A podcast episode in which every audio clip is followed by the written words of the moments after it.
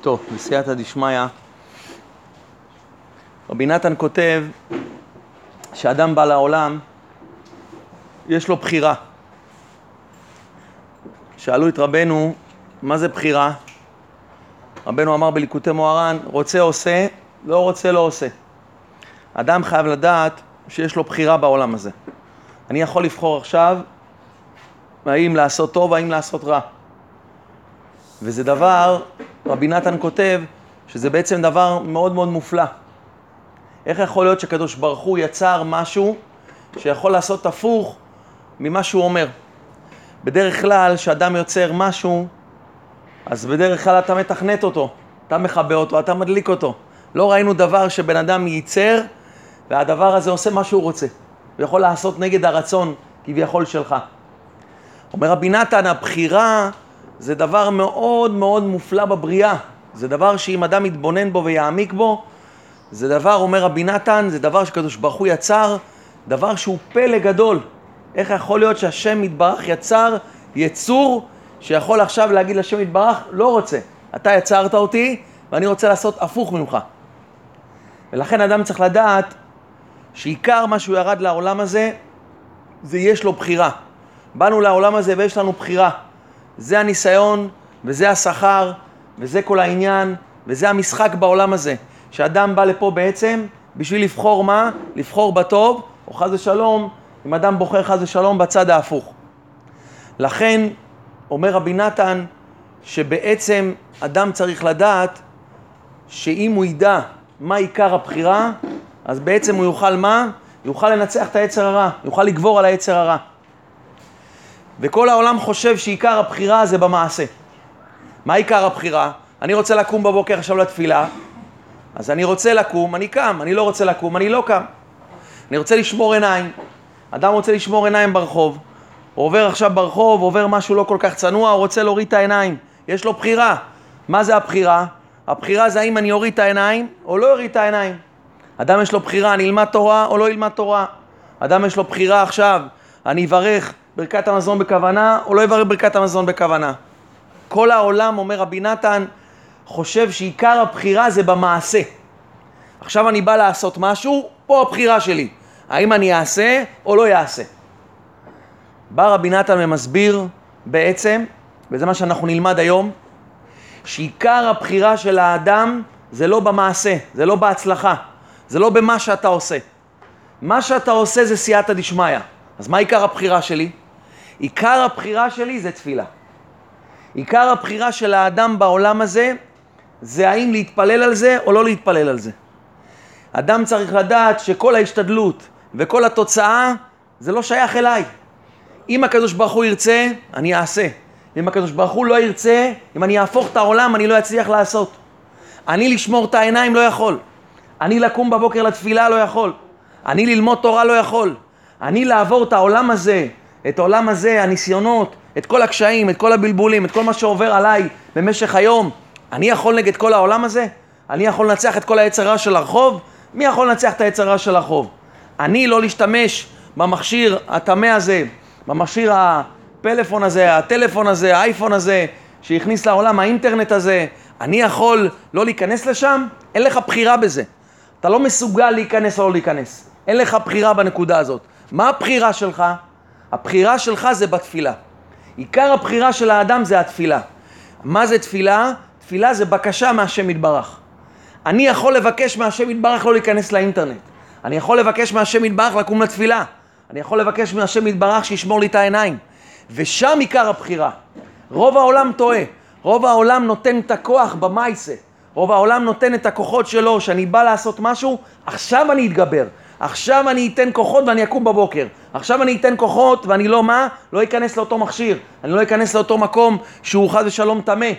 ושם רוב העולם נופל. למה רוב העולם לא מצליח נגד עץ הרע? למה העץ הרע זה של הדור שלנו, רוב העולם נופל בו. רוב העולם נופל מה? בעץ הרע מה? בתוך הכיס הקטן שלו. למה אנחנו לא מנצחים את העץ הרע? למה? אבל אני משתדל, אני עושה. נכון. כמה אתה יכול לעשות? יש לך טלפון ביד עם אינטרנט פתוח. יש לך אינטרנט פתוח. כמה פעמים אתה יכול לא להיכנס לשם? ניצחת פעם, פעמיים, שלוש, ארבע. כמה אתה יכול לנצח את היצר הרע? הרי אתה תיפול בסוף. אתה רוצה לקום בבוקר לתפילה. כמה פעמים תנצח את היצר הרע? אתה רוצה ללמוד תורה, אתה רוצה לשמור את העיניים. כל דבר שאתה רוצה לעשות בקדושה, אדם כמה הוא יכול במייס לנצח. קשה מאוד לנצח את היצר הרע. למה?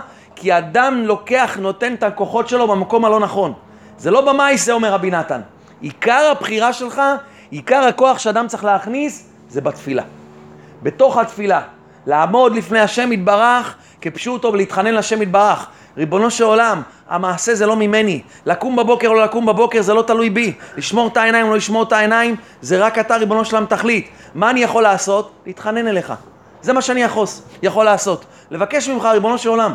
זה מה שאני יכול, לעמוד לפניך כל יום, גם בתפילה, גם בהתבודדות, גם בכל התפילות שאנחנו נראה שהקדוש ברוך הוא, שחז"ל בעצם הכניסו לנו בכל התפילות שלנו, בקשה מהשם יתברך בעצם בשביל להתקרב אליו. וזה אומר רבי נתן בליקוטי הלכות.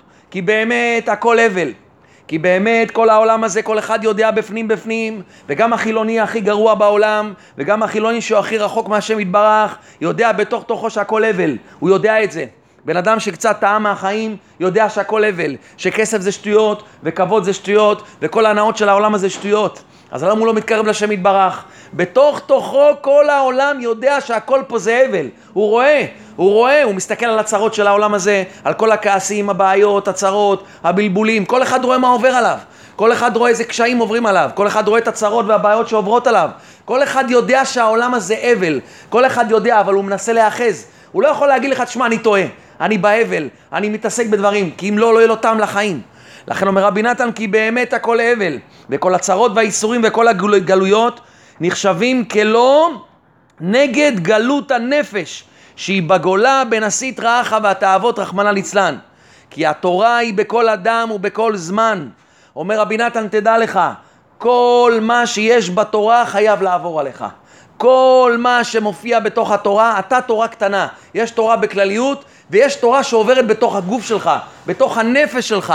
וכל אחד ואחד מישראל, מי שרוצה לקנוס בדרך הישראלי באמת, בדרך הקדוש, בדרך האמת, עוברים עליו כל הגלויות וכל המלחמות והסיפורים המבוארים בכל התורה כולה, ובנביאים, ובכתובים. אתה קורא תורה, אתה קורא מה שעבר על אברהם, על יצחק, על יעקב, על עם ישראל במצרים, שיצא ממצרים, כל הניסיונות שעברו מה במדבר, אתה קורא אחרי זה מה? יהושע, שופטים, נביאים, אתה קורא אין סוף ניסיונות שעבר על עם ישראל, אין סוף מלחמות, אין סוף גלויות. אומר רבי נתן, תדע לך, יש גלויות שהן מה? בכלליות עבר על כל עם ישראל. אבל אומר רבי נתן, יש תורה בתוך הנפש שלך. יש תורה שנמצאת בתוך הגוף שלך, שצריך לעבור עליך הכל. כל התורה צריכה לעבור עליך. צריך לעבור לך ניסיונות של מה? של אברהם, של יצחק, של יעקב, שעל עם ישראל יוצא ממצרים, עם ישראל מה? כביכול נופל בחטא העגל, גם אתה. כל מה שעבר על עם ישראל בכלליות חייב לעבור על כל יהודי ויהודי. וכל המלחמות והסיפורים המבוארים בכל התורה כולה, ובנביאים, ובכתובים, כי כל אחד מישראל כלול מכל התורה. וצריך שיעברו עליו כל המלחמות וכל הגלויות, מבחינת גלות מצרים וגאולתה, ושאר כל הגלויות וגאולתן, ומלחמת עמלק, הכל עובר עליך. חייב לעבור עליך. אדם רואה מה עובר עליו. אדם רואה, מישהו נכנס צד בעבודת השם, מישהו רוצה לחזור בתשובה, ובכלל בדור הזה, שהיצר הרע הוא בכלל משער החמישים, כל אחד שרק רוצה לשמור על הקדושה שלו, רק רוצה להיכנס למה? לדרך התורה והמצוות, הוא רואה מה עובר עליו. איך עץ הרע תוקף אותו, איך עץ הרע מה מכל הכיוונים מכניס לו חלושיות, חלושיות כאלה, בלבולים כאלה וקשיים כאלה. למה? נשמה טובה אומר רבי נתן, אל תפחד. חייב לעבור עליך כל מה שעבר על עם ישראל בכלליות, יעבור עליך בפרטיות. וכל הגלויות, מבחינת גלות מצרים, וגאולתן, ומלחמת עמלק, ומלחמת 31 מלכים, ושאר כל המלחמות שהיו על ישראל המבוארים בכל התנ"ך. הכל צריך לעבור על כל אחד ואחד מישראל עד שזוכה לבחינת גאולה שלמה, שהיא בחינת גאולה שאין אחריה הפסק. אדם חייב לעבור הרבה הרבה הרבה בחיים בשביל להגיע לקדושה, בשביל להגיע בעצם מה? להתקרב לשם יתברך, אדם חייב קודם כל לדעת, צריך לעבור עליי הרבה. הרבה אנשים נבהלים, אדם נבהל, הוא רק רוצה להיכנס לקדושה, הוא מתחיל ליפול, ליפול וליפול, מה קורה לו? הוא נכנס לייאוש, הוא אומר, תשמע, אני בטוח שמה? לא יהיה צדיק, אני בטוח שמה? לא יוכל להתקרב לשם יתברך. לא נכון. אם אתה יודע שמה, המלחמה היא ארוכה, ואמור לעבור עליי מה? כל הגלויות האלה, כל מה שעבר על עם ישראל אמור לעבור עליי, ממילא אני יודע שיש פה מלחמה. יש פה מלחמה. אני מוכן לזה. אני לא מתייאש, אני לא נופל. זה שעכשיו היצר הרע הפיל אותי ונכנסתי לתוך אותו מכשיר, או היצר הרע הפיל אותי בפגם הברית, או היצר הרע הפיל אותי בכדבר אחר, אני לא נבהל מזה.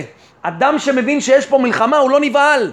הוא יודע שמה, לא קמתי בבוקר? נכון. לא קמתי בבוקר, נכון, מחר אני אקום. לא קמתי עוד יום? לא נורא. עוד מה? עוד יומיים אני אקום. לא ניצחתי את היצר עכשיו, אני אנצח אותו מה? עוד שעה, עוד שעתיים. הוא יודע זה מלחמה.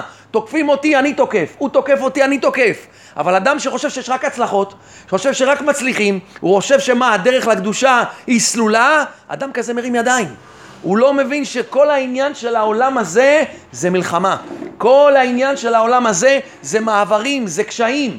אומר רבי נתן, ועד שהוא זוכה לגאולה שלמה, שיש לה גאולה בלי הפסק, דהיינו שזוכה לקבוע עצמו בדרך הקודש, בקביעות גדול, כיתד חזק, בא למות לעולם, וזוכה להתקרב לשם יתברך באמת כראוי, וגואל נפשו מכל התאוות ומכל אבלי העולם הזה לגמרי, בבחינת גאולה שלמה שנחרי ההפסק, שזהו עיקר הגאולה בפרטיות אצל כל אחד ואחד מישראל. אומר רבי נתן, זה בסוף, זה בסוף, אבל עד זה צריך לעבור עליך כל חמישה חומשי תורה, וכל הנביאים, וכל הכתובים, והכל צריך לעבור עליך, זה מלחמה אינסופית.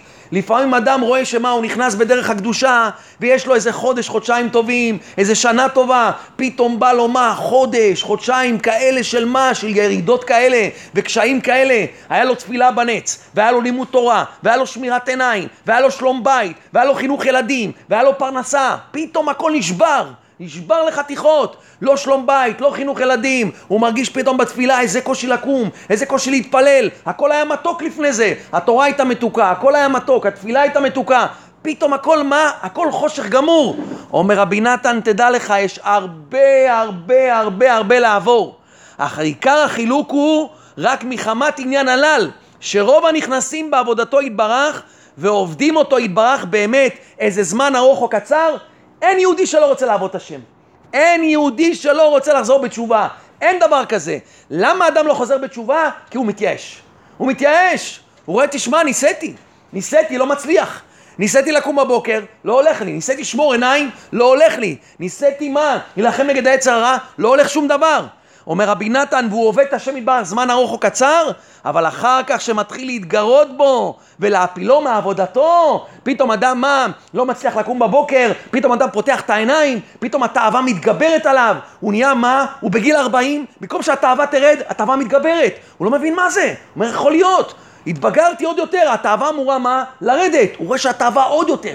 וקושי כזה, בהתחלה הוא שמר שבת, הכל הלך כמו שצריך, פתאום הוא רואה קושי כזה גדול, פתאום נהיה לו יצר הרע, פתאום היצר הרע עוד יותר מה מפיל אותו. מה קורה לאדם? הוא מתייאש. הוא עוזב. טבע האדם אומר די, די, כמה אני יכול להילחם?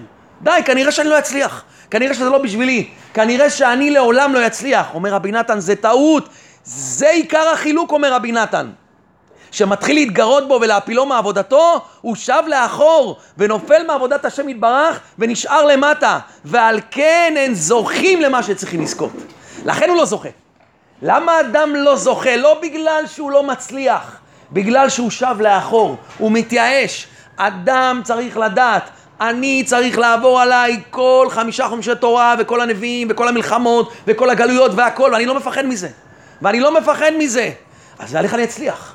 איך אני אצליח? אין בעיה. אני מבין, יש מלחמה עכשיו. אני מבין, אני צריך נשק. אומר רבי נתן, אני צריך נשק. מה עיקר הבחירה שלי? זה הנקודה של השיעור. מה עיקר הבחירה? הכל טוב ויפה, יש יצר הרע. כל, כל הדור פה מדבר. כל הצדיקים מדברים, כל השיעורי תורה מדברים, כולם מדברים מהדור הזה. דור עקבתא דמשיחא, וצרות יבואו, וקשיים ובלבולים, והדור דור כזה שנופל למה? לפגמי ברית כאלה גדולים, וכאלה קשיים גדולים. נשמה טובה, יש לך עצה? יש לך עצה בשבילי? אני יודע איפה אני נמצא, אני יודע שקשה לי, אני יודע שאני לא מצליח, כל העולם צועק מזה, אבל תן לי מה? תן לי לדעת איפה לשים את הנקודה, תן לי כלי מלחמה. אומר רבי נתן, ועיקר ההתחזקות שיזכה להישאר קיים על מעמדו לעולם, לקיים עם אשק שמיים שמתה והציע שאול הינקה, אם אתה מה, אם אני אשק שמיים, שמתה. אם אני עולה מה, אם אני עולה למעלה, בטוח שאני קרוב אליך. והציע שאול הינקה, גם אם אני אהיה בשאול, גם אם אני אפול, גם אני אפול לשאול תחתיות, ריבונו שלם אתה איתי, אני לא אעזוב אותך. איך? ועיקר ההתחזקות לאחוז עצמו בשם יתברך תמיד, בכל הנפילות והירידות שבעולם, ואפילו בשאול תחתיות, ממש לא יתייאש את עצמו בשום אופן שבעולם, הוא על ידי תפילה. זה הכוח שלנו. זה הכוח של עקבתא דמשיחא. אדם חייב לדעת, שום כוח בעולם לא ינצח את הדור הזה. אי אפשר לנצח את היצר הרע הזה. אי אפשר, אומר רבי נתן. רבי נתן בא ואומר, תקשיב לי צדיק, נשמה טובה, בדור האחרון היצר הרע מוציא את כל הכלי נשק, הכל הוא מוציא, מהכל הוא מוציא, מהכל, בכל, מכל כל. איך אני אנצח אותו? איך אני אעמוד מולו? אומר רבי נתן, תדע לך, עיקר הבחירה שלך זה תפילה. תפילה, תפ"ל"ה. אדם חייב להחדיר את זה לתוך העצמות שלו. אם אני לא אעמוד בתפילה, מה זה תפילה? זה בקשה מהשם. אם אני לא אעמוד לשם, מבקש לשמור לי את העיניים, אני לעולם לא אצליח לשמור את העיניים. אם אני לא אעמוד לפני השם, מבקש ריבונו של עולם, זכה אותי להתקרב אליך. מה עם התאוות שלי? מה עם העדות הרעות שלי? על מתי אני אכעס? כעס, אתה יכול לשבור את הכעס שלך? כמה זמן כבר אתה כועס? 20 שנה אתה כועס. אתה רואה שלא מצליח כלום. אתה לומד תורה, אתה מקיים מצוות, לא עוזר כלום. כמה אנחנו רואים את עצמנו עם תורה, עם מצוות, עם כל המידות הרעות. עם כל המידות הרעות, עם כל הפתיחת עיניים. אדם יכול מה? לצאת מהכולל אחרי עשר שעות שהוא למד גמרא, עובר משהו לא צנוע, הוא פותח את העיניים. הוא פותח את העיניים, כל אחד עובר את זה. אף אחד לא יכול לשקר פה. אף אחד לא יגיד לי לא, כן, אני לא. כל אחד יודע בדיוק בעמקי נשמתו את הנפילות שלו. כל אחד יודע בדיוק איפה הוא נכנס, ומה הוא עושה, ומה הוא מסתכל, ומה הוא חושב. והוא רואה שמה? הוא מסתיר את זה. הוא אומר, תשמע, זה לא יכול להיות. אני לומד, אני מקיים מצוות, חזרתי בתשובה, ברוך השם. למה זה לא מצליח? אומר רבי נתן, למה זה לא מצליח? כי עיקר, עיקר, עיקר הבחירה זה בתפילה. עיקר הבחירה שלך זה בתפילה. זה רק אם תעמוד לפני השם ותתחנן אליו. זה מה שיש. ריבונו של עולם, אני לא יכול כלום. אני שום דבר. אם אתה לא תעזור לי, אני שום דבר לא אעשה. זה אדם חייב להחדיר טוב טוב לעצמו.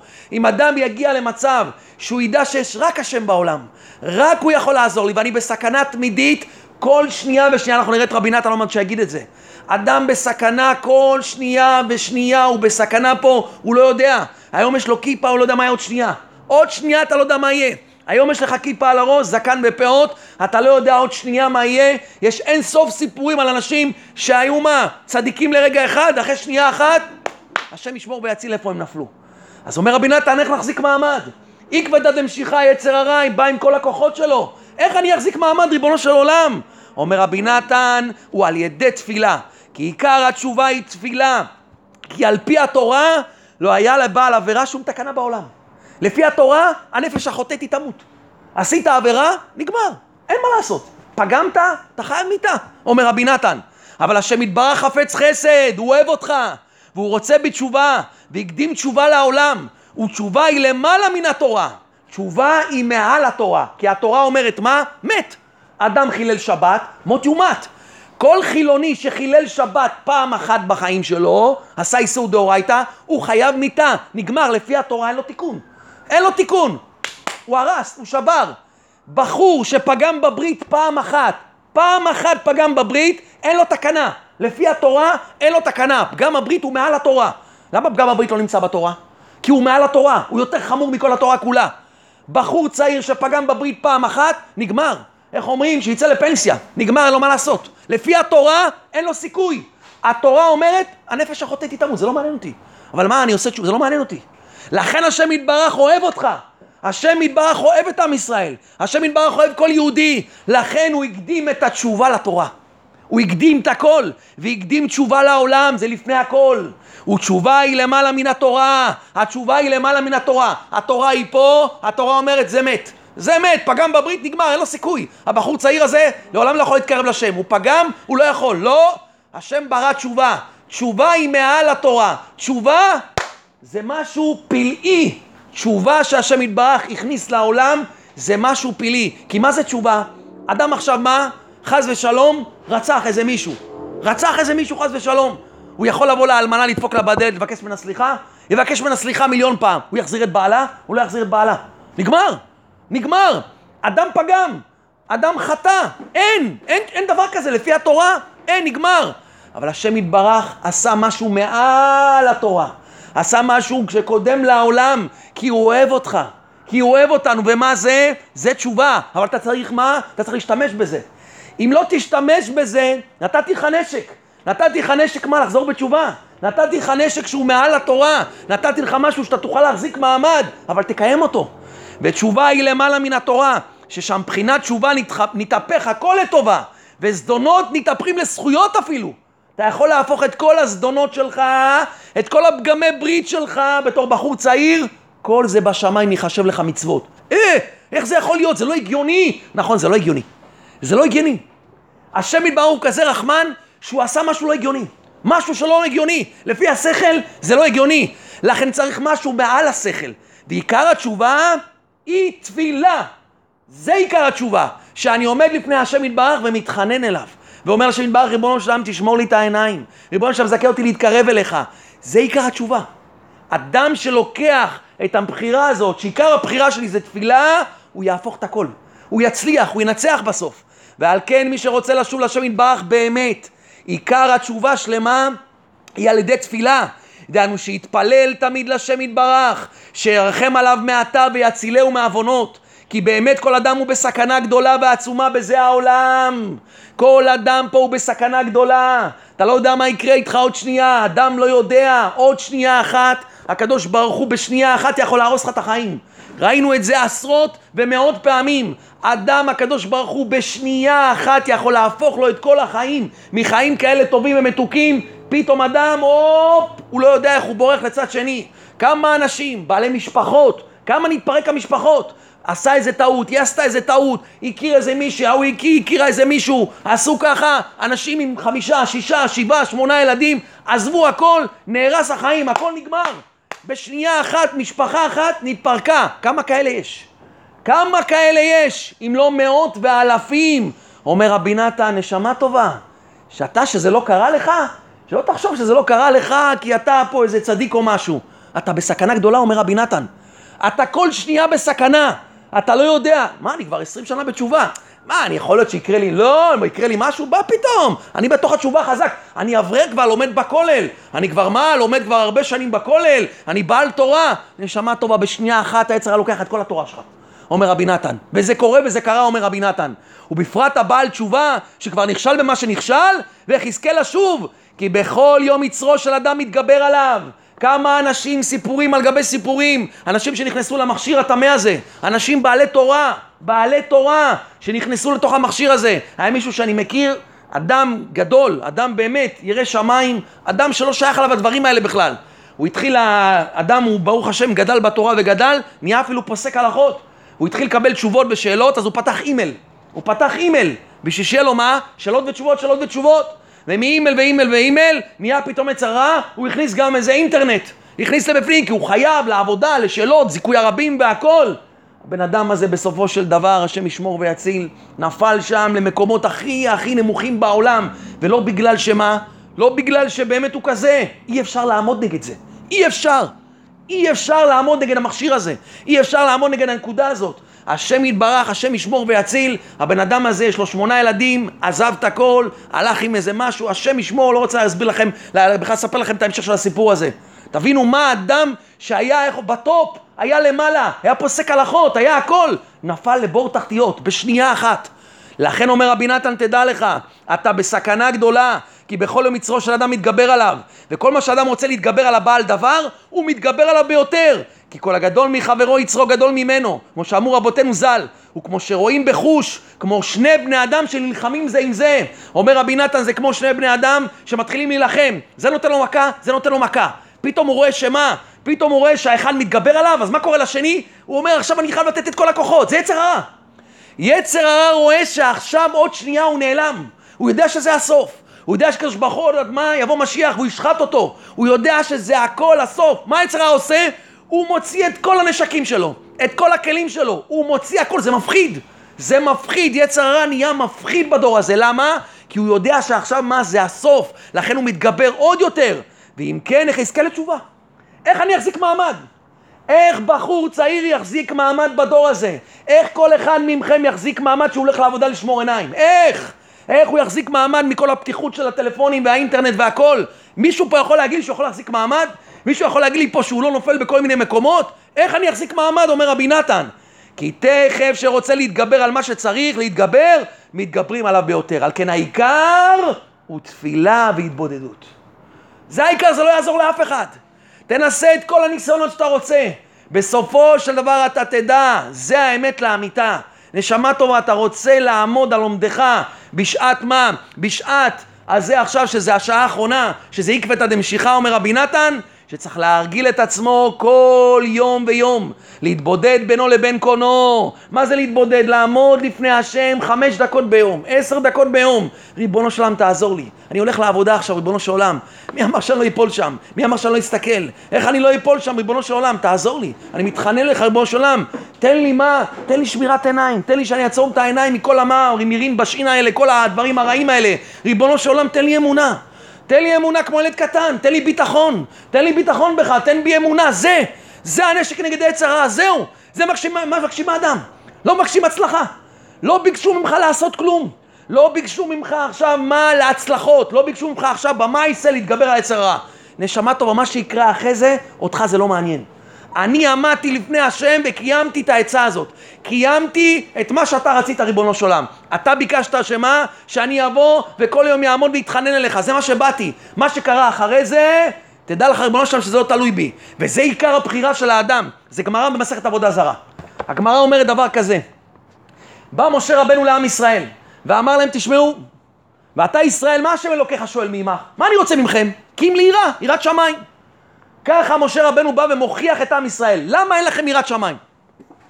מה זה למה לא יראת שמיים? איך אתה רוצה שנקבל יראת שמיים? מה עכשיו צריך לעבוד על יראת שמיים? זה אין סוף, איך אני אגיע ליראת שמיים? אומרת הגמרא ככה, שמשה רבנו הוכיח את ישראל שלא היה להם לבבם ליראת השם. הוא מוכיח אותם, אין לך יראת שמיים. כל יהודי ויהודי הקדוש ברוך הוא בא ואומר לו, נשמה טובה, אני מוכיח אותך, אין לך יראת שמיים. אני רוצה שיהיה לך יראת שמיים. מה התביעה עליו?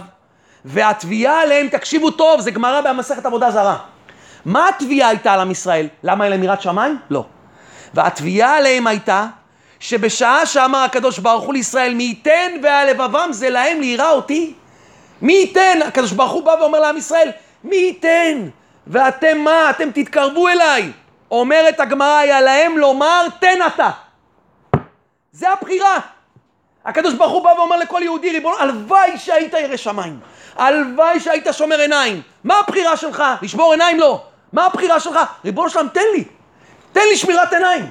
תן לי תפילה בבוקר. תן לי ללמוד תורה. תן לי ברכות בכוונה. תן לי לשמור תורה ומצוות. תן לי. זה הבחירה של האדם. כלומר, הם נתבעו על זה שלא יתפללו וביקשו מהשם שייתן להם לב ליראה את השם. מדהים. הקדוש ברוך הוא בא לעם ישראל, הוא לא תבע אותם למה לא להם יראת שמיים. הוא לא יתבע אותך למה לא שמרת עיניים. הוא יתבע אותך בשמיים למה לא ביקשת ממני שיהיה לך שמירת עיניים. שאדם יבוא לשמיים אחרי 120 שנה ויראו לו מה? יראו לו במצלמה שיום יום הוא ביקש מהשם יראת שמיים. יום יום הוא ביקש מהשם תן לי לשמור עיניים, תן לי לקיים את המצוות, תן לי להתקרב אליך. למרות שהוא לא הצליח, למרות שהוא לא הגיע לטופ, למרות שהוא כביכול לא הגיע למאה אחוז. הקדוש ברוך הוא יגיד לו נשמה טובה אתה פטור. אתה פטור, אני פוטר אותך. כי לא ביקשתי ממך את זה. לא ביקשתי ממך הצלחה, הצלחה זה ממני. אם אני רוצה אתה תצליח. אם אני לא רוצה אתה לא תצליח. ובאמת, אדם בסוף מצליח. אם אדם עומד לפני השם כל יום, בטוח שהוא יצליח. עיקר התביעה לאדם, תקשיבו טוב, תכניסו את זה טוב טוב, כי יצר הרע יסמא אתכם, יצר הרע יעבוד עליכם, יצר הרע יגיד לכם כל מיני דברים אחרים. את הנקודה האמיתית, הוא, י... איך אומרים, יעביר את כל העולם. את כל העולם הוא יעבר. מכל העולם הוא לא ייתן להם את הנקודה הזאת. והקשה על כך המהרשה. שואל המהרשה, והרי אמרו חז"ל הכל בידי שמיים, חוץ מיראת שמיים. איך אתה אומר לי לבקש ממך יראת שמיים? הרי כתוב הכל בידי שמיים, חוץ מיראת שמיים. הכל בעולם זה בידי הקדוש ברוך הוא, חוץ מהיראת שמיים שלי. ותרץ, מהרשה מפורש. אומר המהרשה ככה, מכל מקום, פשיטא, פשוט, שביד הקדוש ברוך הוא להטות לב בני אדם לטובה. פשוט. עומר אמר שזה פשוט לי. השם יתברך אם הוא רוצה, הוא יטה את הלב שלך. אם הקדוש ברוך הוא רוצה, הוא יטה את הלב שתוריד את העיניים. הוא יטה את הלב שמה שלא תכעס. הוא יטה את הלב שמה שתקום בבוקר. הוא יטה את הלב שלך לכל התורה והמצוות. דכמה כתובים מורים על זה. הוא אומר המהרשה, תראה הרבה פסוקים שמה הם מורים על זה, שכביכול הכל מה בידי שמיים חוץ מירת שמיים, אבל פשיטא שביד הקדוש ברוך הוא, אם תבקש ממנו, להטות את לבבך. ואכן רוב הפסוקים העוסקים בכך הם בספר תהילים. בספר תהילים כל מה שדוד המלך הוציא תהילים, שזה תפילות של דוד המלך, מה הכל? מה כל תהילים מלא? אתה פותח תהילים, מה, מה זה תהילים? כל עניין של תהילים של דוד המלך, שהוא ביקש והתחנן מהשם יתברך, מה? ללכת בדרך האמת. להציל אותו מיצרו. לב טהור ברא לי אלוקים ברוח הנוכחת שבקרבי. לב טהור ברא לי אלוהים. דוד המלך עומד לפני השם יתברך, דוד המלך הגדול שבגדולים. ריבונו של עולם, לב טהור ברא לי. תברא לי לב טהור, זה מה שאנחנו אומרים במה? בברכת הלבנה. לב טהור ברא לי אלוהים. מה זה לב טהור ברא לי אלוהים? הרי אמרת שמה? שהבחירה יראת שמיים, הכל בידי שמיים חוץ מיראת שמיים. אז מה אתה מבקש את זה? לא! כי ידע דוד המלך שכל הבחירה זה עכשיו מה? שאני אעמוד לפני השם ואתחנן אליו. לכן כל תהילים זה בעצם בקשה של דוד המלך שהקדוש ברוך הוא יקרב, יקרב אותו אליו. זה כל עניין של תהילים. הרי שמבקש שיברא לו השם לב טהור, כלומר נקי וזך מכל חטא. וכמחנק חז"ל באנשי כנסת הגדולה, כל התפילה שאנחנו אומרים בתפילת שמונה עשרה, שלוש פעמים ביום, החזירנו בתשובה שלמה לפניך, השיבנו אבינו לתורתך. מה זה כל הבקשות האלה? זה בקשות שאנחנו מבקשים מהשם. אז רואים שמה? רואים שהאדם, אם הוא מבקש מהשם יתברך, הקדוש ברוך הוא יכול להשיב אותו בתשובה, יכול להחזיר אותו בתשובה. וכן מה שאנחנו אומרים בתפילת אהבת עולם, והער עינינו בתורתך, ודבק ליבנו במצוותיך, ויחד לבבנו לאהבה וליראת שמך. ריבונו של עולם, בבקשה, אני מתחנן אליך, תייחד את הלב שלי שאני אוהב אותך, שאני אראה ממך, אני אפחד ממך, למה לא נבוש, לא ניכלם, לא ניכשל עולם ועד. כמו שאנחנו אומרים בבא לציון, הוא יפתח ליבנו בתורתו. איך אתה מבקש דבר כזה? איך? יש... לא, כי באמת אם תבקש השם ייתן. הוא יפתח ליבנו בתורתו, וישים בליבנו אהבתו ויראתו לעשות רצונו ולעובדו בלבב שלם. מה שאנחנו אומרים בבריך שמם. מה אנחנו מבקשים שם? מבקשים ריבונו של עולם, שאתה תפקוד אותי עם כל הצדיקים, ושם אנחנו תפתח לי ביי באורייתך.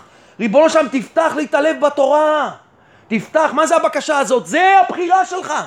כל התפילה מלאה מפסוקים כאלה, כל תהילים ממולא מפסוקים כאלה, שמראים שמה שאדם מה? בא לשם יתברך, וזה דוד המלך, וזה מה שאנחנו אומרים גם בברכות השחר, וחוף את יצרנו להשתעבד לך, והנה על כל אלה ניתן לשאול, והכל בידי שמיים חוץ מיראת שמיים, אלא מוכח מפה שחלק הבחירה שהוא בידי אדם. מה חלק הבחירה שלך נשמה טובה? זה ההתעוררות שלך בתפילה ותחנונים. זה עיקר הבחירה של האדם, וזה מה שיחזיק את האדם, מה? מעמד? יחזיק אותו מה? בעקבת הנמשיכה. על כן העיקר הוא תפילה והתבודדות, שצריך להרגיל את עצמו להתבודד בכל יום, בינו לבין קונו, ולהפיל תחינתו לפני השם יתברך, המלא רחמים בכל עת. השם מחכה לך, רק שתפתח את הפה, רק שתבקש ממנו. אתם יודעים מה זה בן שעומד לפני אבא ומבקש ממנו?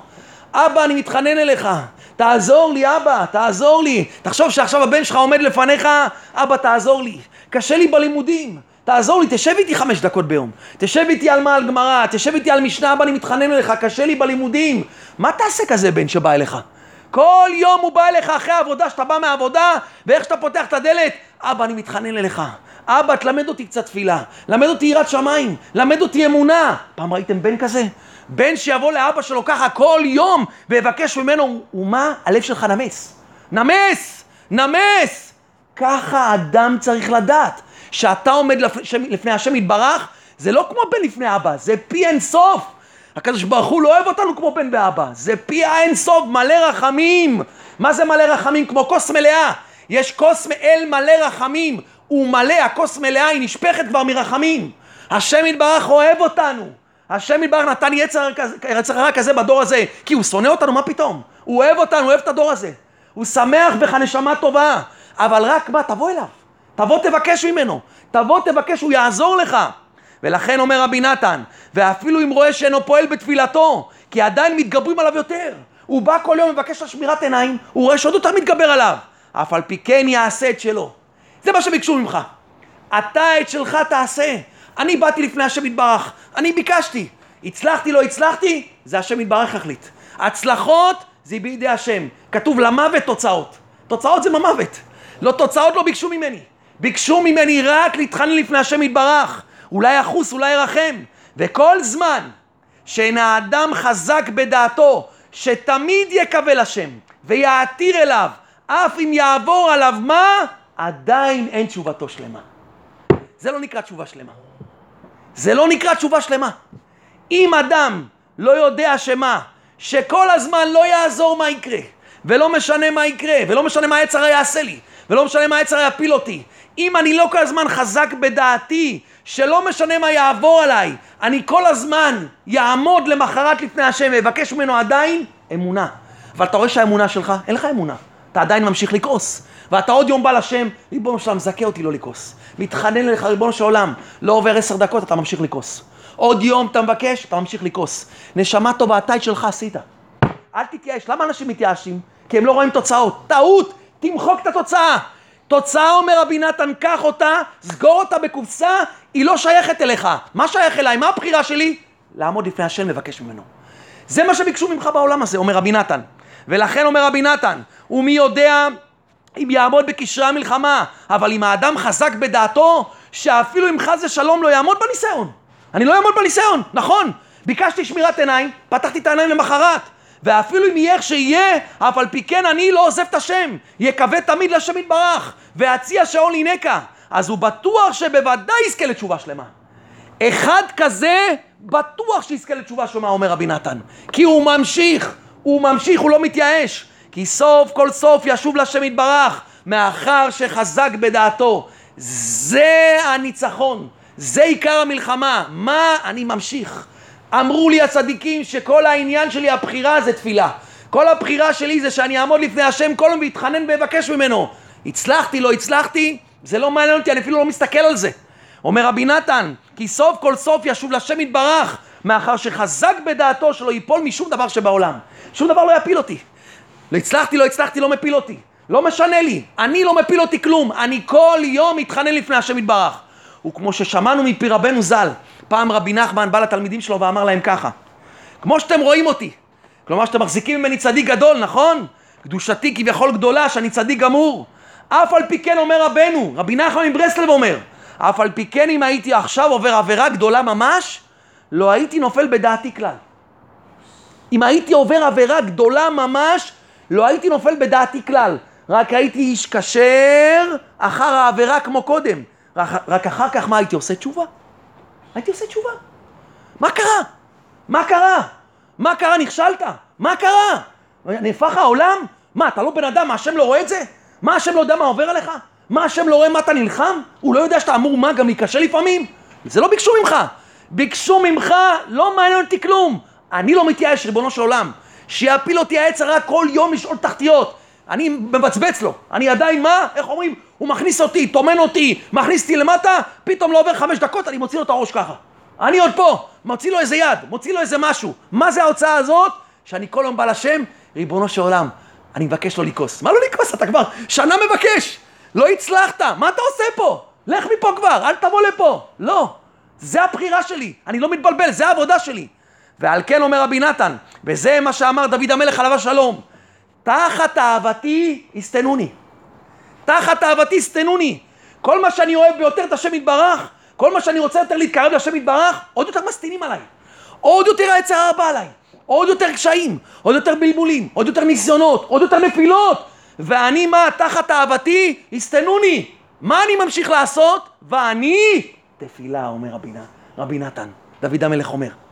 תחת אהבתי הסתנוני, שכל מה שאני אוהב ביותר את השם יתברך ורוצה להתקרב אליו, הם מסטינים עליי ביותר. כי כל הגדול מחברו יצרו גדול ממנו. נשמה טובה, אתה רוצה לשמור עיניים, אתה יודע מה זה שמירת עיניים בדור הזאת? אתה יודע מה זה שמירת עיניים בדור הזה בכלל? אתה יודע מה זה להיות מה? להיות בתוך הקדושה בדור הזה? אתה רוצה פה מה? אתה רוצה פה את הכתר, אתה רוצה את הדברים הכי חשובים בעולם. מה אתה רוצה, שלא יתגבר עליך יצר הרע? בטח שהוא יתגבר עליך. אם כן יחזקאל להתקרב אליו, יתברך מאחר שבכל פעם מתגברים ומתגרים ביותר. אך ואני תפילה. זה דוד המלך! דוד המלך אומר, תחת אהבתי הסתנוני, עובר עליי. אני מנסה להתקרב לשם, אבל אני רואה שמה? הסתנוני, שטנה, זה שנאה, בא עליי עוד יותר. עוד יותר מתגבר על היצרה. אין לי חלק על העולם הבא, אמרו עליי. גדולי ישראל אמרו עליו. אחיתופל, כולם אומרים עליו שומה, אין לו חלק על העולם הבא. כל כך דוד המלך עבר, הבנים שלו רוצים לקחת את המלוכה, אדוניה רוצה למלוך, אבשלום רוצה להרוג אותו. תחת אהבתי, אני רוצה את השם, אני רוצה להתקרב לשם, מה עשית לי? תחת אהבתי, הסתנוני. מה דוד המלך אומר? ואני, תפילה, זהו. זהו, זה הנשק שלי. הוא ידע, אני, עיקר הבחירה שלי, דוד המלך אומר, זה מבחינת מה? תפילה. ועל כן, תקשיבו טוב מה זכה דוד המלך. ועל כן לא מצא שום אדם את מקום בית המקדש, עד שבא דוד המלך עליו השלום. תגידו לי, יש לי שאלה הכי פשוטה בעולם. למה דוד המלך רק זכה? למה הוא זכה להקים את מאי בית המקדש? מה הבעיה לבנות בית המקדש? תביא כמה מיליונים, תבנה, תבנה בית המקדש. מה צריך עכשיו שדוד המלך יבנה מקום יוחד והכל? מה הבעיה לבנות בית מקדש? לא. כי אי אפשר לבנות בית המקדש. כי ברוחניות, אם לא מגיעים לאיזה נקודה, גם בגשמיות אי אפשר לבנות. וזה אומר רבי נתן. ועל כן לא מצא שום אדם את מקום בית המקדש. עד שבא דוד המלך עליו השלום, שיגע וטרח מאוד, עד שמצא מקום לשם, שהוא נקודת האבן שתייה, מקום בית המקדש. כמו שכתוב, זכור אדוני לדוד את כל ענותו אשר נשבע לאדוני, עד אמצא מקום לאדוני. מה הנקודה? מה דוד המלך חיפש? מה בא לבנות בית המקדש? תבנה בית המקדש. היה עשירים בעם ישראל, היה מלכים עשירים לפני דוד המלך, יכלו מה? יכלו לבנות בית המקדש. לא. כי עד דוד המלך עליו השלום לא היה תפילה בשלמות. אי אפשר לבנות בית המקדש. כל עניין בית המקדש, כי מה? כי בית מקדשי מקום מה? בית תפילתי. מה זה מקום מקדש? בית תפילה. אם דוד המלך לא מגיע לרוחניות של תפילה שלמה, גם בגשמיות אי אפשר לבנות בית המקדש. אף אחד מעם ישראל לא הצליח. לא אברהם, לא יצחק, לא יעקב, לא משה רבנו, לא הצליחו. לא הביאו את כביכול מה? את התפילה שהיא תיקרא מה בשלמות. כי כל התפילות נקראים על שמו של דוד המלך. כי הוא חיבר חמישה ספרי תהילים. למה? מה זה חמישה ספרי תהילים? אומר רבי נתן, ספרי תהילים, כל ספר תהילים שאתה רואה, הוא כלול מכל התפילות של כולכם. כל מה שיעבור עליכם דוד המלך ראה, ברוח קודשו, הוא ראה איזה בחור צעיר, שיפול ויפגום בברית, ויפול לשאול תחתיות, והוא ייפול ויקום וייפול ויקום. טוב, מה, אין לו סיכוי, הוא לא יוכל. אחד כמוני, די, זהו, אני מתייאש. הקדוש ברוך הוא לא יכול שתקבל את התפילה שלי. דוד המלך בתהילים הכניס תשובה גם לך. הוא כלל מין, איך אומרים, כמו תמצית, כמו תמצית של מיץ. אתה לוקח מיץ, שם תמצית, יוצא לך משקה. הוא לקח את תהילים והכניס את כל התפילות ואת כל הירידות של כל יהודי בעם ישראל. נשמה טובה, זה נמצא בתהילים. אני הבאתי את זה לעולם. אין ייאוש בעולם. אין, דוד המלך אמר. זה התפילה. ואז הוא יכל לבנות את בית המקדש. לכן דוד המלך עשה חמישה ספרי תהילים כנגד חמישה חומשי תורה, כי זה כנגד התורה. שזה כנגד חמישה חומשי תורה. כי כל תפילותיו של דוד שהוא ספר תהילים, למה? בשביל לקיים את התורה. זה תהילים. מה זה תהילים? שאני אקיים את התורה. למדתי נכון, אבל איך אני אקיים את התורה? למדתי שפגם הברית הוא הכי גרוע. למדתי שצריך לשמור עיניים. למדתי שמירת שבת. למדתי שצריך להניח תפילין. צריך לקום בבוקר, צריך להתפלל. הכל למדתי, אני יודע את כל שולחן ערוך בעל פה. לא מצליח. לא מצליח. כל אחד רואה בדור הזה איפה הוא מה, איפה הוא מונח. אומר דוד המלך, תדע לך תהילים. מה זה תהילים? זה התבודדות, זה תפילה. זה בקשה מהשם. כי זה בחינת מה תהילים, שהכל בשביל שיזכה לקיים את התורה בשלמות, שהיא כלולה מחמישה חומשי תורה, ועל כן חיבר כנגד זה חמישה ספרים תהילים. כי כל תהילים הוא רק בשביל שיזכה לקיים את התורה, שזה היו כל תפילותיו של דוד. ומחמת של כל עבודתו של דוד היה תפילה, כל העניין ואני תפילה, דוד המלך אומר, על כן דייקה הוא מצא את מקום בית המקדש, שהוא מקום התפילה שהיה סתום מעין כל, אף אחד לא הצליח. אף אחד לא הצליח למצוא את מה? את המקום הזה. עד שבא דוד המלך ויגע מאוד, מאוד מה? מאוד התעייף על זה, מאוד מסר את הנפש על זה. עד שכתוב אם אתן שנת לעיניי, לעפעפי תנומה, אני לא יושן. אני לא יושן עד אמצא מקום לאדוני, ככה כתוב בתהילים. אני לא יושן. לא מעניין אותי כלום. מה זה אתה לא יושן? מה זה הנקודה לא יושן? אלא אני מה? אני ממשיך עם תפילה. וממשיך עם תפילה, ויוצר תהילים. מה זה תהילים? אני יוצר תפילה שתועיל לכל עם ישראל בכל הירידות שלהם, בכל הבעיות שלהם, עד סוף ביאת משיח. ועל ידי זה עשיתי מה? עשיתי כביכול את הנקודה הזאת של תפילה שהבאתי אותה לשלמות, עכשיו אפשר לבנות בית מקדש. עכשיו יש בית מקדש במה? בגשמיות. כי כל זמן שאין האדם זוכה לתפילה בשלמות, עדיין אין לו מקום לשם. ועדיין הוא נע ונד ומטולטל. תדע לך נשמה טובה, אם לא תיקח את העצה הזאת ותתחיל מה? תתחיל לעמוד לפני השם, אתה לעולם לא תגיע לעמידה. ואפילו אם עוסק בתורה, אתה עוסק בתורה, עדיין אינו בטוח שיישאר קיים על עומדו, כי יודע מה יעבור עליו. אתה יודע מה יעבור עליך? משה, ראינו כמה וכמה בני אדם שעסקו בתורה בהתמדה גדולה כמה שנים, ואחר כך נפלו מאוד, ונתרחקו מן התורה לגמרי. ובפרט שיש אנשים הרבה שנפלו למה שנפלו, עד שנפלו לעבירות גדולות ממש. ראינו את זה. לכן אומר רבי נתן, ואפילו מה? ואפילו אם הוא עוסק בתורה, הוא לא בטוח. הוא לא בטוח. דוד המלך לא עסק בתורה? בטח שהוא עסק בתורה. דוד המלך לא פסיק פומה מתורה. אין דבר כזה. לעולם הוא לא הפסיק מתורה. אז מה העניין שאתה מחפש את התפילה עכשיו? כי הוא ידע. אפילו שיש בי תורה, אפילו שאני מה, לא פסיק פומי, ממה? מחצות, הוא רק לומד תורה, הוא ידע שעדיין זה לא בשלמות. אני עדיין מה? נע ונד. עד שאני לא אביא את התפילה לשלמות, אני אמצא לקדוש ברוך הוא מקום שזה אני אעשה את התפילות שהם יהיו מה? יגיעו לרף התפילות, לסך התפילות, הוא ידע שמה? אני לא יכול לעמוד על עומדי. אני עדיין אהיה מטולטל ועומד. ועל כן עיקר המקום והמעמד לקדושה הוא תפילה. כי על ידי תפילה זוכים להישאר קיים על עומדו תמיד, אפילו אם יהיה איך שיהיה. כי כשאינו זוחק אם לתורה לבד, אף על פי שטוב מאוד, התורה ברור, התורה זה התכלית, אורך ימינו ואורך עמנו, חיינו ואורך עמנו, אף על פי כן אחר כך שנופל חס ושלום מן התורה, אין לו במה להחיות את עצמו. אין. התורה לפעמים לא מהירה. אתה לא מסוגל ללמוד, קשה ללמוד. אתה לא לפעמים נמצא בלימוד. לא כולכם נמצאים כאלה בתוך הלימוד. כמה אנשים כבר בתוך הלימוד בפנים בפנים. לפעמים התורה כבר לא מהירה. היא לא מהירה לך כל כך. לכן בחורים צעירים היום, גם בישיבות, לפעמים התורה כבר לא מהירה לו.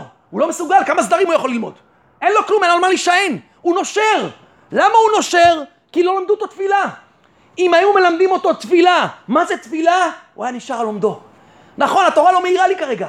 הגמרא לא מהירה לי כרגע, המשנה לא מהירה לי כרגע. אבל יש לי, מה יש לי תפילה? אני כל יום עומד לפני השם יתברך. אני בקשר עם השם יתברך. לא קרה שום דבר. הכל בסדר, זה יחזור. זה התפילה, התפילה היא מעמד של האדם. כי אין לו מה להחיות את עצמו. אבל כשזוכה לתפילה, יש לו תקווה לעולם, אפילו אם יעבור עליו מה? כי לפעמים נופל האדם לירידה עמוקה, שאין שם שום מעמד, ובפרט בדורות הללו, שרבים מישראל נפלו מאוד, עד שהם בעיניהם לאחר ייאוש לגמרי. רוב בני האדם פה הם לאחר ייאוש לגמרי, אומר רבי נתן. כל אחד יודע את זה. מה זה ייאוש? ייאוש מלהיות צדיק, לא מייאוש מרשע. ייאוש בכלל להצליח, הוא יודע, הוא לא יצליח, טוב, אני דתי כזה, אין מה לעשות, זה מה שיש, נזרום עם החיים. לא! אומר רבי נתן, רוב רובם כבר נפלו לייאוש, עד שנפלו לייאוש לגמרי. כי על כן גלות הזה נאמר, ותרד פלאים אין עוזר לה. זה גלות מאוד מאוד קשה, הגלות הזאת. וגודל הרחמנות שיש על אנשים כאלו, שטובים בי בין מצולע בין מעמד, אין לשער, המקום מרחם עליהם. ובמה אפשר להחיות את עצמו ולהישאר על עומדו בנפילה וירידה כזו, מאחר שאין שם מעמד? הוא נפל באבן מצולע, הוא נפל במה? בעכשיו ביתית, בביצה תובענית. לך תוציא אותו עכשיו. אי אפשר להוציא אותו, אומר רבי נתן. על כן עיקר הוא תפילה וצעקה והנחה לשם יתברך. אם היו מלמדים בחור בישיבה, שגם אם נפלת מהתורה, נשמה טובה, יש צעקה. תעמוד לפני השם, תבקש. ריבונו של עולם, הגמרא לא מעירה לי. היא לא מעירה לי. מה יהיה ריבונו של עולם? הגמרא לא מעירה לי, קשה לי בסדרים, קשה לי בלימוד, אני מתחנן, תן לי ריבונו של עולם. אם אדם היה יודע את סוד התפילה, נפלת בעיניים, נכון, נפלת במה? בכל מיני דברים שנפלת. נשמה טובה, אל תברח. תעמוד לפני השם ותתחנן אליו. וכמו שאמר שם דוד, אחר שהעריך בגודל צרות הנפש, שיש על כל אחד מישראל, לפי עניינו בחינת טבעתי בי בן מצולע, ואין מה עומד. אין מה עומד, אדם רואה את עצמו, אין לו על מה, מה, על מה להישען. אבל אחר כך מה אמר דוד המלך?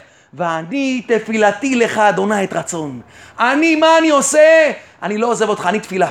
אני תפילה ריבונו של עולם, וזה כל יהודי צריך לדעת, וכל אחד מכם צריך להחדיר טוב טוב למוח. לא משנה מה יעבור עליי בעולם הזה.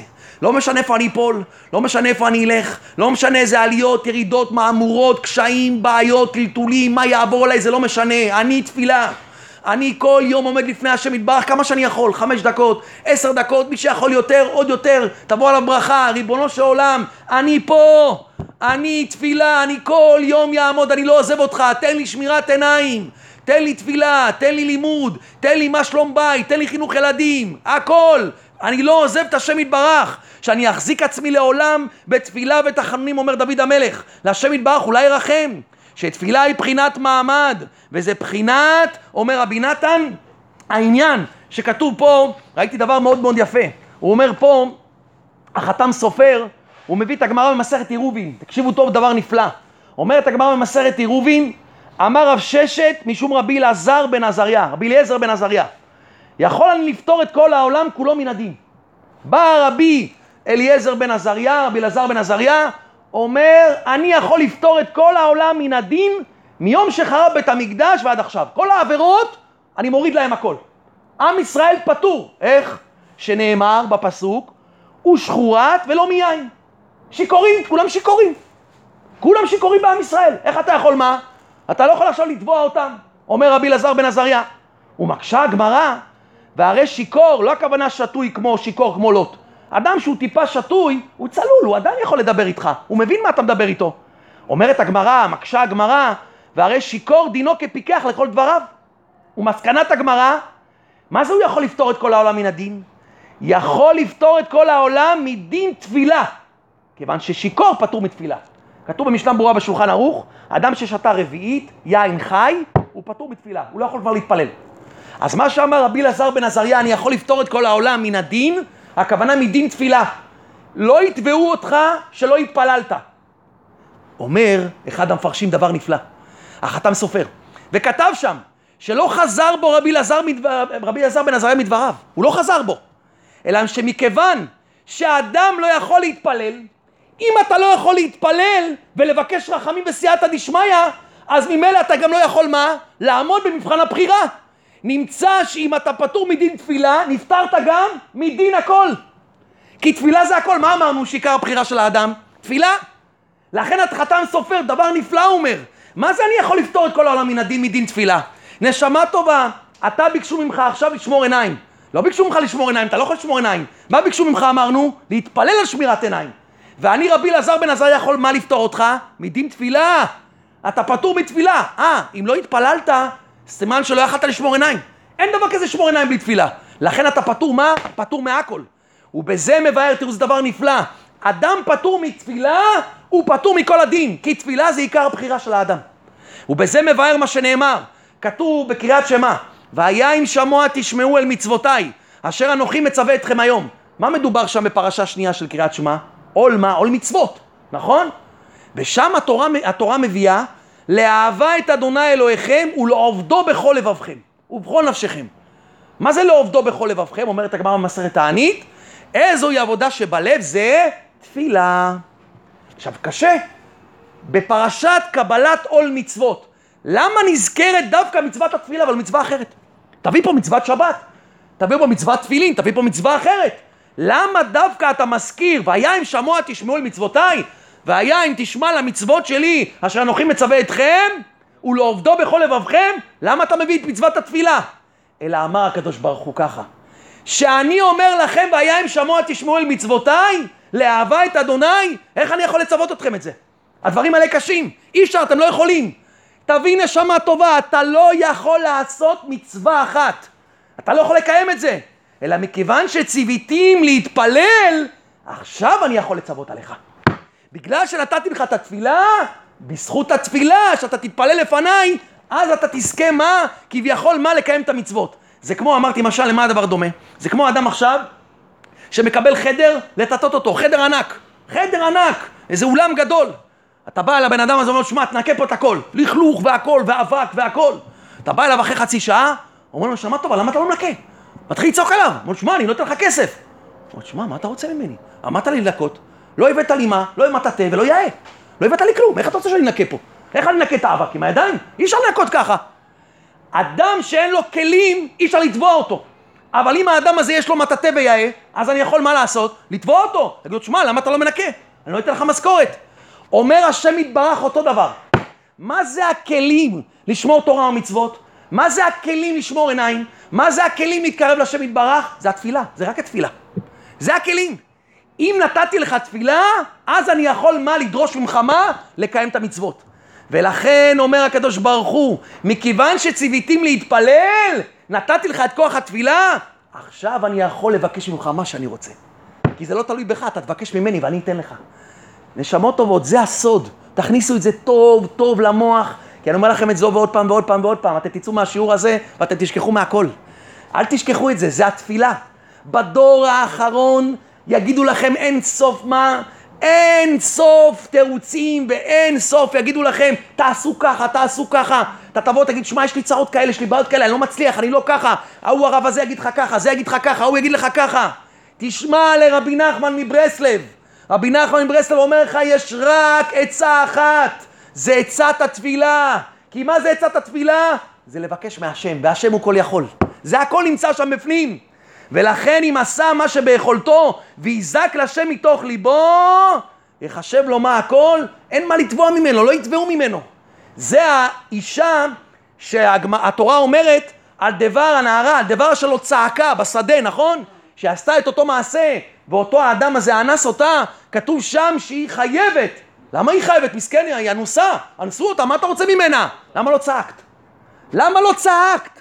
על דבר אשר לא צעקה, שם את נתבעת. כי אם היית צועקת לעזרה, אפילו שבחלק המעשה, את לא יכולה לעשות כלום. לפעמים אתה בא לשמור עיניים, אתה לא יכול, בחלק המעשה אתה לא מצליח. על מה יתבעו אותך? לא על המעשה, על הצעקה. למה לא צעקת? למה לא באת לשם ביקשת ממנו? קשה לך עם אשתך? אשתך לא שומרת שבת? אשתך לא שמה על כיסוי ראש? אני לא אשפוט אותך, נשמה טובה, אבל תבוא אליי. תבוא תצעק, תמחה, תבוא כל יום תבקש ממני. אני מכיר אדם ששלוש עשרה שנה, לא סליחה, אחד עשרה, אחד עשרה, שלוש עשרה, אני לא זוכר, התפלל שאשתו תשים כיסוי ראש. הוא לא אמר לה מילה, הוא התחנן, התחתן על דעת כיסוי ראש, היא לא שמה כיסוי ראש. והוא התייעץ והוא דיבר, אמרו לו לא להתגרש. מה פתאום, על מה להתגרש? זה עבודה. זה עבודה עכשיו, יש לך עבודה, נשמה טובה. אם הוא לא היה מכיר את רבי נחמן מברסלב, אני לא יודע איפה הוא היה היום. נשמה טובה, אתה לא מדבר מילה עם אשתך. למי אתה פונה? אליו, יתברך.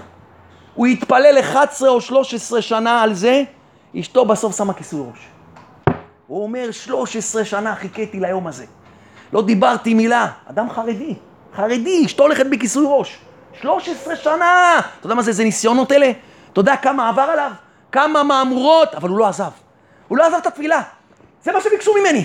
הוא ידע, הוא היה שמח. הוא אומר, ריבונו של עולם, אתה ביקשת ממני שמה, שאשתי תגיד, היא לא רוצה לשים כיסוי ראש. מה אתה מבקש ממני? לצעוק, הדבר שלו צעקה. זה הבחירה שלכם צדיקים. זה הבחירה. הרמב"ם כותב בהלכות תשובה, שיכול להיות אדם שיחטא חטא גדול וימנעו ממנו את התשובה. עד כדי כך. אומר הרמב"ם שדיין האמת שהיא הפירעון, הפירעון מזה החוטא על חטאים אלו שעשה ברצונו מדעתו, שמונעים ממנו התשובה, והם מניחים לו רשות לשוב מרשעו כדי שימות ויאבד בחטאו שיעשה. הרמב"ם כותב שיש בני אדם שמהעוונות שלהם לא נותנים להם לחזור בתשובה. זה פגמי הברית. יש אנשים שעשו עוונות איומים, כל אחד בדור הזה, הרבה מאוד אנשים כאלה. לפי הרמב"ם לא יעזור להם שום דבר. הקדוש ברוך הוא לא ייתן להם לעשות תשובה. אבל אומר הרמב"ם בכמה הלכות אחרי זה, וכן זה שאמר ורוח נדיבה תשמחני. כלומר, הוא כעניין זה שואלים הצדיקים והנביאים בתפילתם, מאת השם לעוזרם על האמת. כמו שאמר דוד המלך, הורני השם דרכך. כלומר, אל ילמנעוני חטאי דרך האמת, שממנה אדע דרכך וייחוד שמך. וכן זה שאמר ברוח נדיבה תשמחני. כלומר, תניח רוחי לעשות חפצך, ואל יגמרו, יגרמו לי חטאי למונני מהתשובה, אלא תהיה הרשות בידי עד שיחזור ואבין ואדע דרך האמת. לפי הרמב"ם הזה, תדע נשמה טובה, שגם אם הרבית לכתות, עד שמה? שיגזר עליך שיקחו ממך את הבחירה, שימנעו ממך לחזור בתשובה, גם על זה יש מה? יש לך תירוץ ומה? ועצה. שמה אומר הרמב"ם? על ידי תפילה ותחנונים לשם יתברך. תפילה זה הכל. תפילה זה הכל, צדיקים, זה הכל. זה מה שהשם יתברך רוצה מאיתנו בדור האחרון. וזה אומר רבי נתן בהמשך. וזה בחינת אין הונאה לקרקעות. מה זה אין הונאה לקרקעות? אדם עכשיו מוכר חפץ מטלטלים. אדם רוצה למכור עכשיו חפץ. עולה 100 שקל. מותר לו למכור את זה ב-700 שקל? מה פתאום, זה הונאה. הוא עבד עליו, שטות, שישית. מותר לך למכור עד שישית מהסכום. אם עברת שישית מהסכום, זה נקרא הונאה. אתה הונית. מה, אבל אתה הסכמת, מה אכפת לי? מכרתי לך ב-400 שקל במקום 100. נשמה טובה, נכון שמכרת לי ב-400, זה הונאה. אתה הונית אותי, מה קורה מעל שטות, מעל שישית? כתוב בשולחן ערוך, הוא מחזיר לו את כל הכסף. הכל חוזר. זה נקרא אין הונאה, יש הונאה למטלטלים. מכרת חפץ, יש הונאה. אבל כתוב בשולחן ערוך, אין הונאה לקרקעות. אני רוצה למכור את הדירה שלי בחמש וחצי מיליון שקל. היא שווה בסך הכל מיליון שקל. בא לי למכור אותה בחמש וחצי מיליון. אתה באת, הסכמת. קנית ממני קרקע בחמש וחצי מיליון שקל ששווה מיליון. נשמה טובה, אין הונאה בקרקעות. יש לך בעיה, שאתה הסכמת. מובן ההלכה? הלכה פשוטה. בואו תראו איך רבי נתן מקשר את כל זה למה שלמדנו. כי היצר הרע והסית רעך, מה זה הונאה? יש יותר הונאה מיצר הרע. יש יותר הונאה מיצר הרע שמה? שכל היום מה? מטעה את הבריות. כי אין הונאה גדולה בעולם כמו ההונאה של היצר הרע. שמענה ומטעה את האדם להחליף עולם עומד בעולם עובר, הוא עובד על כולנו. אתה חושב שהאוטו שלך, הכבוד, המשחקים, התאוות, השטויות האלה, זה העולם האמיתי, הוא עובד על כולנו, הוא מחליף לנו עולם מה? עולם אמיתי בעולם עובר. הוא מענה ומטעה בכמה מיני רמאויות, רמאויות וערמומיות ובלבולים בכמה מיני הונאות וטעויות בלי שיעור וערך. כדי למונעו מדרך החיים מחיים נצחיים, מחיים טובים, מחיים ארוכים, מחיים אמיתיים, ורוצה להורידו ולהפילו, לשאול תחתיות חזה שלום, ולעוקרו חזה שלום משני העולמות, מהעולם הזה ומהעולם הבא, חינם הלא דבר. חינם הלא דבר. יצר הרע הוא ההונאה הכי גדולה שיש בעולם. הוא עובד על כולנו, הוא משחק עם כולנו. אתם לא יודעים כמה יצר הרע עובד עלינו. מה זה עולם הבא? מה זה מצווה בעולם הבא? מה זה שנייה אחת בעולם הבא? שאדם יראה את זה, הוא לא יבין. זה הבושה הכי גדולה. זה, איך אומרים, העונש הכי גדול, שהוא יראה כמה הוא הפסיד. כמה הוא הפסיד בעוד דקה של תורה. בעוד דקה של מצווה, בעוד איזה שמירת עיניים. הוא יראה מה זה בדור האחרון להוריד עיניים. הוא לא יבין מה זה, הוא יגיע לשמיים, הוא יראה שהוא הלך בסוקולוב, שהוא הלך בתל אביב, והוא הריד את העיניים, הוא הצליח, הוא יראה איזה עולמות הוא יקבל, הוא יגיד איזה טיפש, איך יצרה עבד עליי, איך הוא החליף לי עולם עומד בעולם עובר, כי ידוע שאין שום נחת מכל תענוגי העולם הזה בעולם כלל. הכל זה שטויות, זה דמיונות, כל אחד יודע פה את זה. אין עולם הזה בכלל, זה דמיונות, מישהו פה נהנה בעולם הזה בכלל. הכל פה צרות בייסורים, במעברים, בקשיים, באין סוף מה שעובר עלינו. מי נהנה פה בעולם הזה? יש פה הנאה אמיתית בעולם הזה? למי שיש לו מוח בקודקודו, הוא בקיא קצת בטיב העולם הזה ותאוותיו ותענוגיו. קח את כל האנשים העשירים האלה שעשו את כל התענוגות, אין להם כלום. איך אמר לי מישהו? יש לי הכל ואין לי כלום. יש לו הכל, אומר לי, ואין לי כלום, בוא תראה אותי, אין לי כלום. אני יושן בלילה לבד, אין לי כלום. עם כל הכספים שעשיתי והכל, אין לי כלום. אומר לי, אני בן חמישים ומשהו, עכשיו אני מבין את זה. אני מבין מה ששלמה המלך אמר, אין כלום, העולם הזה הבל הבלים. בן אדם שלא חרדי עכשיו, וזה משהו רציני. בן אדם פשוט, אומר, הבנתי. איפה הלך לי ארבעים שנה? איפה ארבעים שנה יצרה, מה עבד עליי?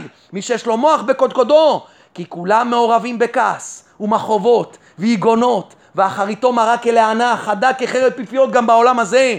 מלבד אשר בעולם הבא, שם בוודאי כל עסקי העולם הזה מרה מכל מיני מרירות ומכל מיני צרות ואיסורים שבעולם. כי העולם הזה, אומר רבנו, מטעה אותנו מאוד. בשיחות הר"ן רבנו אומר, העולם מטעה אותנו מאוד. כי אין שום אדם שיהיה לו קץ וסוף טוב מן העולם הזה. אף אחד פה לא סיים את העולם הזה טוב. רק תורה ומצוות. רק תורה ומצוות. כל אלה שנפטרו, כל אלה שהיו לא יודע מה, מה בסוף בהלוויה אומרים עליהם? כמה הוא נהנה בחוץ לארץ? כמה תאוות הוא עשה? כמה נשים הוא הלך? כמה קלפים הוא שיחק? אפילו האדם החילוני שעושים עליו הספד, מה אומרים עליו? הוא היה אדם טוב, הוא נתן מה? הוא נתן פה לעניים, הוא עשה פה חסד, למה מזכירים את זה? כי גם הם מבינים שזה העיקר, אפילו האדם הכי רחוק מבין שזה העיקר. נמצא שהיצר הרע והסית רעך, מה הוא נקרא? הונאה. יצר הרע הוא נקרא ההונאה הכי גדולה, וזה בחינת אין הונאה לקרקעות. יצר הרע יכול להונות אותך בכל, אבל בקרקע אין הונאה. כי מה זה קרקע? כתוב שכון ארץ וראה אמונה. קרקע זה אמונה, אומר רבי נתן, הנה הפסוק. שכון ארץ וראה אמונה שזה בחינת תפילה. אין הונאה לקרקעות. אין הונאה. מה זה קרקע? שכון ארץ וראה אמונה תפילה. אין הונאה לתפילה. שם יצרה לא יכול לנצח אותך. יצרה אומר רבי נתן יכול לנצח אותך בכל, יש הונאה בכל, אבל אין הונאה לקרקע, למעמד שזה תפילה. כי עיקר העמידה והשמיכה בעולם, בעולם הזה היא בחינת תפילה, שעליה עומד הכל, בבחינת אין עמידה אלא תפילה. היינו שזוכים לתפילה, כמבואר לאל. היינו שהאדם חזק ואמיץ בדעתו, שתמיד יתפלל השם יתברך שיקרבהו לעבודתו באמת, יהיה איך שיהיה. מבחינת ואני תמיד אייחל. אני תמיד אייחל, אין הונאה לקרקעות. אין הונאה לתפילה. קרקע תפילה זה קרקע, זה מעמד. זה התפילה, זה האמונה, שכון ארץ הוא אמונה. אין הונאה לקרקעות. יצר יכול להונות בכל, הוא ההונאה הכי גדולה. אבל קרקעות, תפילה, שם הוא לא יכול להונות אותי. שם הוא לא ינצח אותי, כי אני תמיד אייחל. לא משנה מה יעבור עליי. ריבונו שלם, אותך אני לא עוזב. אותך אני כל הזמן אתפלל. אני כל הזמן אבקש. עד זיבולה בתרייתא, עד שיורידו אותי לקבר, אני אבקש כל הזמן להתקרב אליך. ואם זה לא יצליח לי, שלא יצליח לי. אבל אני ביקשתי, אני עשיתי את שלי, אני צעקתי. הדבר אשר לא צעקה. כי איך שיהיה מה שיהיה, בוודאי לא יוכל העץ הרע להונותו ולהטעותו עוד בשום אופן, בבחינת אין הונאה לקרקעות. כי יהיה איך שיהיה כל זמן שמחזק ומאמץ את ליבו להתפלל עדיין לשם יתברך, שישיבהו אליו, הוא פורס כפיו לשם יתברך ממקום שהוא, אף על פי שעוברים עליו ימים ושנים הרבה בקלקולו. עובר עליך שנים כאלה קשות בקלקולך, אתה לא מצליח. לא עוזר מה שאתה עושה, אתה לא נכנס לקדושה, אתה לא מצליח באמת לשים יתד. אומר רבי נתן, כל אחד לפי עניין שנתפס בו, אפילו נתפס במה שנתפס. עדיין יש לך תקווה נשמה טובה, יש לך שמיכה, יש לך מעמד. אם כל יום תעמוד לפני השם. אם כל יום תתחנן לפני השם, על ידי תפילה ותחנונים ובקשות, אפילו באבן מצולה ואין מעומד. כמו שכתוב, כבוא קיוויתי אל אדוני, ויית אליי, וישמע שוועתי, ויעלני מבור שעון. אומר דוד המלך, כבוא קיוויתי לשם, אני כל הזמן בא לשם, לא משנה. ויית אליי וישמע שבתי, הוא שמע אותי בסוף. ויעלני מבור שעון, יבוא נשמה יום אחד שהשם יתברך ירים אותך מהכל, מהכל. אפילו שאתה עכשיו נמצא בביוב ונמצא במקומות הכי נמוכים ולא מצליח בכלום, יבוא יום שהשם יתברך יצרף את כל התפילות שלך. הוא יצרף את כל הצעקות, את כל הזעקות, את כל השבעות, הכל הוא יצרף, הוא יעלה אותך למעלה. הוא יעלה אותך. רבנו אומר, יש אדם שלא רואה תוצאות עד שהוא מגיע לעולם הבא. הוא לא רואה, השם יתברך לא מראה לו כלום בעולם הזה. יש בן אדם שלא יראה כלום בעולם הזה, רק בעולם הבא הוא יראה מה הוא עשה. רק בעולם הזה נראה שהוא לא עשה כלום. הוא כל הזמן צעק, הוא כל הזמן ניסה, הוא כל הזמן הכל. הוא אומר, תשמע, גמרתי את העולם, אומר רבנו, לא משהו, לא. אתה תגיע לשמיים, פתאום שם יראו לך, בגלל שלא התייאשת וצעקת, אתה תשיג את הכל, אומר רבנו. כי זה בחינת ששיבעתי לשם יתברך תמיד בכיבוי אחר כיבוי. על ידי זכיתי, על ידי זה זכיתי, ויעלני מבור שעון מטיט היוון, שעליתי ממקומות רעים ומטונפים מאוד, שנקראים בור שעון וטיט היוון, אשר שם אין שום מעמד, שנופלים לשם, טבעתי בימי מצולה ואין מעמד, זה מקומות שאין שם מעמד, אבל על ידי שמה, על ידי התפילה, גם משם יצאתי. אבל אנוכי שקיוויתי לשם יתברך, בכיבוי אחר כיבוי, ושיבעתי לשם יתברך תמיד, על ידי זה העלני מבור שעון מטיט האבן. לכן אדם צריך לדעת, צדיקים, נשמות טובות, תדעו לכם, זה רבן נחמן מברסלב, זה לא אני, זה כל זה רבי נחמן מברסלב שהוא רופא הנפשות, הוא יודע מה היה בדור האחרון, הוא הרופא הגדול, הוא הרופא והוא יודע מה התרופה, תקשיבו לו, לא לי, לרבנו הקדוש, כי עיקר התקומה והעמידה והשמיכה הוא על תפילה לשם יתברך. זה מה שמבקשים ממך, זה עיקר הבחירה. כי על ידי תפילה ושבה וזעקה לשם יתברך, יכולים לעמוד אפילו במקום שאין שם שום מעמד. אפילו במקום כזה, אתה תוכל לצאת משם. ברוך הוא יזכה אותנו, יתחזק בנקודה הזאת, נזכה לקיים את העצות האלה בתמימות ובשיטות, וכן יהי רצון, ונאמר אמן.